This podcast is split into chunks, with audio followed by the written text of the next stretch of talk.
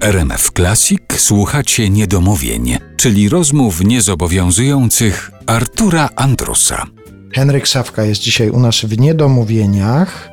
Masz takie skrzywienie zawodowe, że na przykład włączasz sobie radio, słuchasz wiadomości i, i, od razu w czasie słuchania wiadomości już widzisz, jakbyś to narysował? Sztuka rodzi się z irytacji. To już wymyśliłem jeszcze w czasach komuny i często słuchając właśnie radia, właśnie nawet, nawet nie oglądając telewizji, tylko słuchając radia, jakiś taki impuls, ktoś coś powie i w tym momencie jest skojarzenie. Ja to szybko notuję. Bo normalnie to... na kartce, czy masz jakieś dyktafony, sprzęty elektroniczne? Jesteś pod tym względem konserwatywny czy nowoczesny? Kiedyś zapisywałem, potem sobie kupiłem e, dyktafon Pamiętam, że moi koledzy się z tego bardzo śmiali. Potem Zbyszek Jujka powiedział mi po latach, że bez dyktafonu to nie dałby rady. Ja już dyktafonu nie używam, bo są przecież e, w telefonach różne mhm. sposoby notowania. E, notuję sobie też na tablecie, mam też kartki porozkładane w niektórych miejscach, także no generalnie to w tej chwili już używam techniki współczesnej, ale to jakby nieważne, to trzeba za, zanotować, to trzeba zapisać. Mam grube notesy, mam grube. Dawniej były takie kalendarze y, bardzo popularne, terminarze, więc ja mam chyba z, z 15 takich, gdzie po prostu mam y, zanotowane wszystkie szkice, czy też dymki do swoich rysunków. Ale wracając do tematu, jak kiedy ten pomysł powstaje, więc on powstaje spontanicznie w trakcie rozmowy z kimś, nawet często na przykład przez telefon z kimś rozmawiam i nagle o czymś rozmawiam, zaraz chwileczkę, fajny pomysł y, mam w tym momencie w wyniku tej rozmowy. A druga metoda to jest taka właśnie, że po prostu otrzymuję zamówienia. No, na przykład muszę zilustrować książkę Bralczyka ostatnio.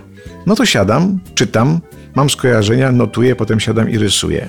Mam y, skomentować co tydzień y, jakąś historię y, w związku z filmami, bo, bo, bo też współpracuję z ze Stowarzyszeniem Filmowców Polskich, no to otrzymuję temat, że pojawił się taki taki film i trzeba coś na ten temat narysować. Czasem otrzymuję zlecenia reklamowe, czasem otrzymuję od ludzi prywatne zamówienia ktoś ma sześćdziesiątkę, obchodzi, albo został profesorem, albo, albo się habilitował, albo urodziło mu się dziecko. Więc y, z takich różnych okazji ludzie zamawiają rysunki, przysyłają mi jakiś tam research, i ja to rysuję i Kwiaty zwiędną, a rysunek wisi całe życie.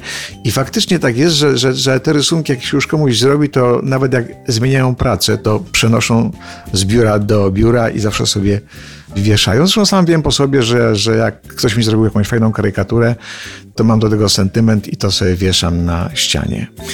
To jest normalna praca zawodowa, to jest Twoje normalne zajęcie.